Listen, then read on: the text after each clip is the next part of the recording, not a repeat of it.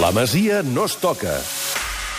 De seguida ens hi posem, i tant que sí, amb la Masia. Però què, Masia, t'ho he dit o no? Bé, bé, bé, 62 a 57, el Barça es posa 5, queda molt, queda l'últim quart encara. Home de poca fe, 5 cavall al Barça, 10 minuts per eh, davant.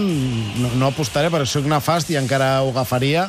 Encara, encara... Però després de- d'anar tot el partit a remolc, encara, encara farem feina al Pionir. I el micròfon tancat i dic que remuntaven, eh? És veritat, Ah, és sí? veritat. Sí, sí, Domènec ho ha dit. Sí, sí, dono fe, dono fe. Doncs, si ho dic jo malament, però si ho diu l'Oriol...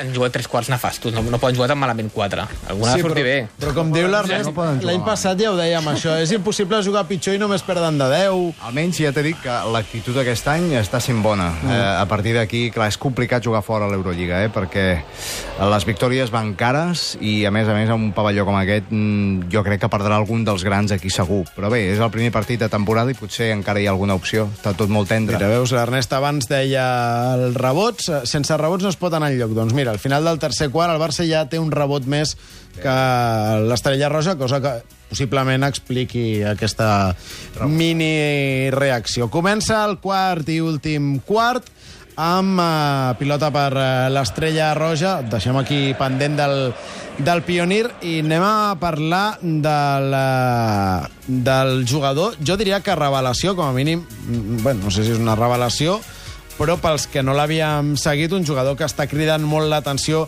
en aquest inici de temporada, el davanter barra extrem del Barça B, José Arnaiz, un eh, futbolista que ha arribat aquest estiu del Valladolid, previ pagament d'una bona picossada, tenint en compte que és un jugador de segona divisió, però que ho està fent molt bé, Oriol. Tu has, has, has dit un bon matís. Revelació pels que no l'havien vist jugar. Jo tampoc l'havia vist jugar. era el meu cas. Però, evidentment, quan el Barça va pagar el que va pagar, típica preguntes als tècnics o la gent que l'ha vist jugar, i deien que era un davanter, un extrem molt bo, que l'any passat amb el Valladolid ja va fer molt bé. De fet, portava 3 anys al Valladolid fent-ho molt bé, primer el Valladolid B i després el, el primer equip, i jo crec que aquí el, el que ha fet ha sigut confirmar una mica les expectatives que es tenien. I jo crec que està a un nivell altíssim, eh, s'ha parat molt de l'enya en aquest principi de temporada, però jo crec que la- l'aportació d'Arnaiz també està sent importantíssima, està fent gols amb facilitat, i sobretot desbordat moltíssim. Per velocitat i per qualitat.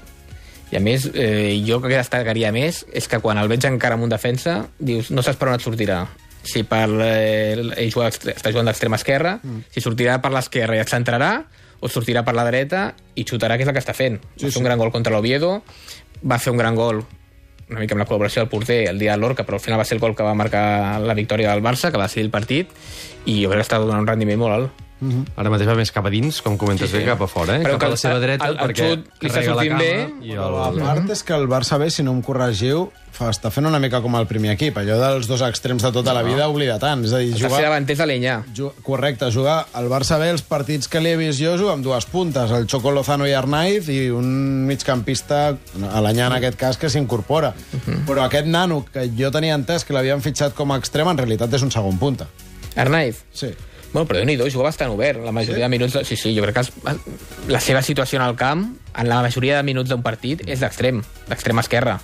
Sí que hi ha moments al joc pues, que potser va més cap a dintre perquè els, davanters tenen llibertat, però si em diguessis de què està jugant, jo diria que d'extrem a extrem. Sí, el que no hi ha és extrem dret. Choco Lozano fixa més els, els, Sí. els centrals o l'home a punta que, que, que jugui, que ara últimament és, és Lozano, i ell sí que parteix una mica d'aquesta banda esquerra, va cap a dins, s'associa molt amb ell pel carril central, amb certa llibertat, perquè així li deu, li deu uh, uh, comentar Gerard, uh, Gerard López, però sí com comentes, eh, l'Anyà, que és un, un centrecampista en molts moments, uh, ve, ve cap a dins.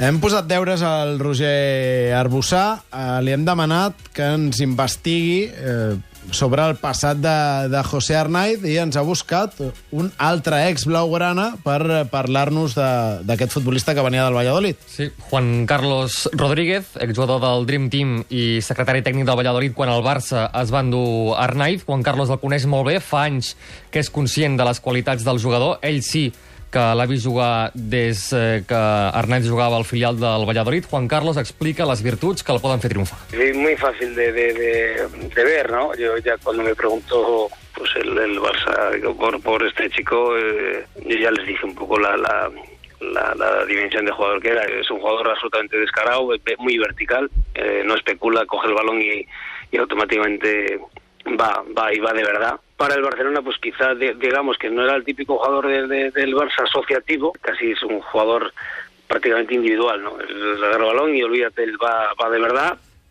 Un jugador que, segons Juan Carlos, s'allunya una mica de l'estil Barça, però preval, diu, la seva valentia de cara a porteria. Per tot plegat, Juan Carlos està convençut que pot jugar al primer equip. sin ninguna duda.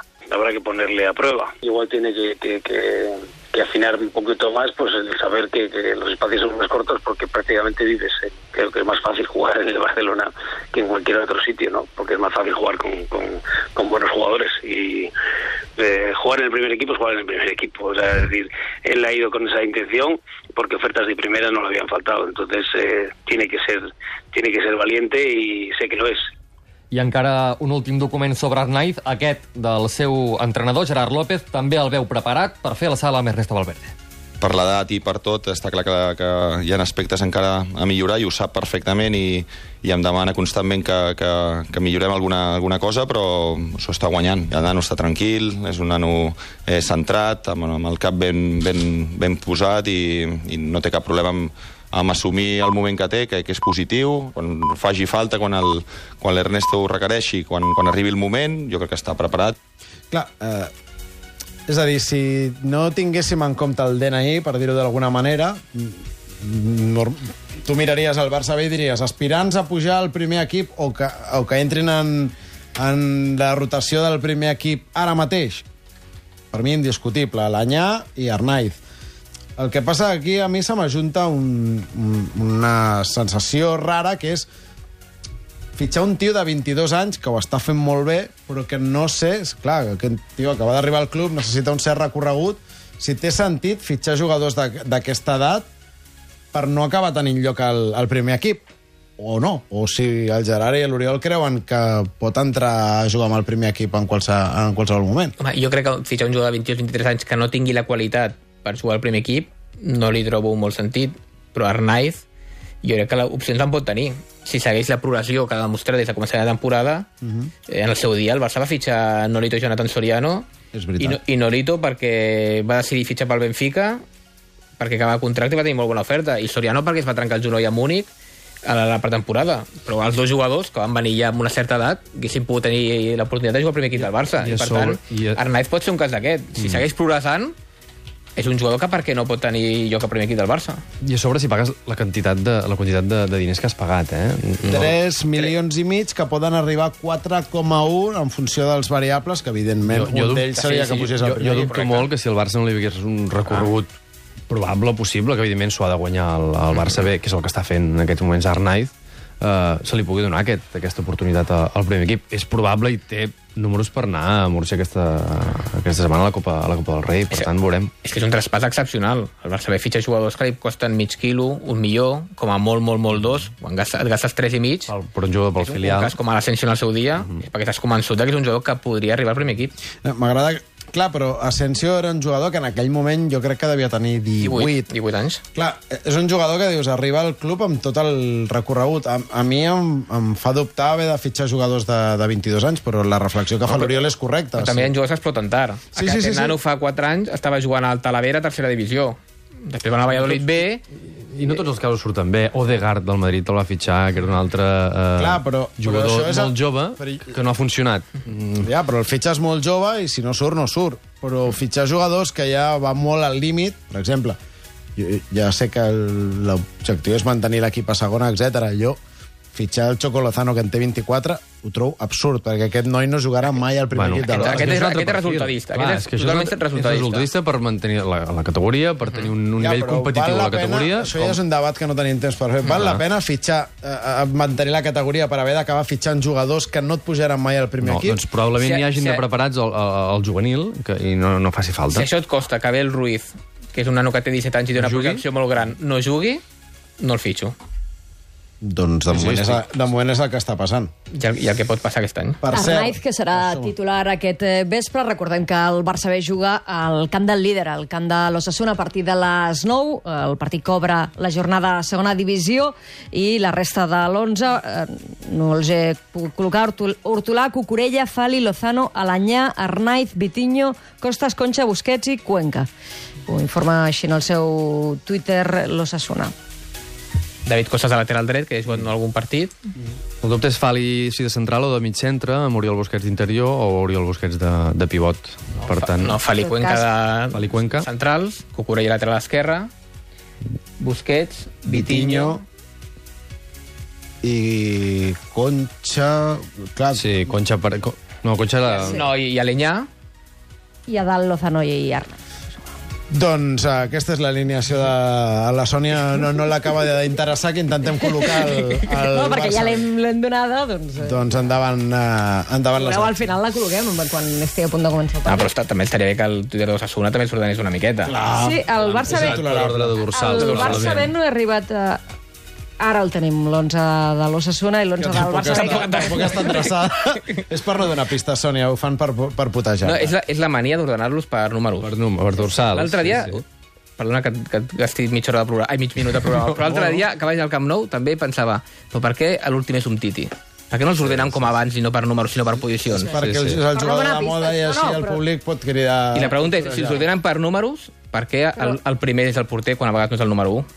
Sí, això és veritat, però efectivament és per no donar pistes al rival i en el cas del porter crec que no enganyes a ningú per molt que posis a Ter Stegen l'últim. Senyors, ho hem de deixar aquí, però m'alegro d'haver parlat d'aquest José Arnaiz i encara m'alegro més que el Gerard i l'Oriol m'hagin convençut que en breus el podrem veure al, al primer equip, perquè si manté el nivell que està tenint el Barça B, realment és un jugador que, que pot ajudar. També ajudaria més si el primer equip no tingués 800.000 fitxes ocupades. Una doble recomanació pels amants del futbol base. Diumenge, 11 i mitja, a Sant Joan d'Espí, Barça-Espanyol de Juvenil A. Oh, molt bé. Gran partit, són els dos que jugaran la Lliga, i tant demà com diumenge, una 30, 4.30 de demà, una 30, 4.30 de diumenge, per gol, els quatre quarts de final del Mundial Sub-17. Espanya-Iran, m'has dit, oi? Correcte. I demà hi ha dos molt bons partits, Brasil-Alemanya i Anglaterra-Estats Units.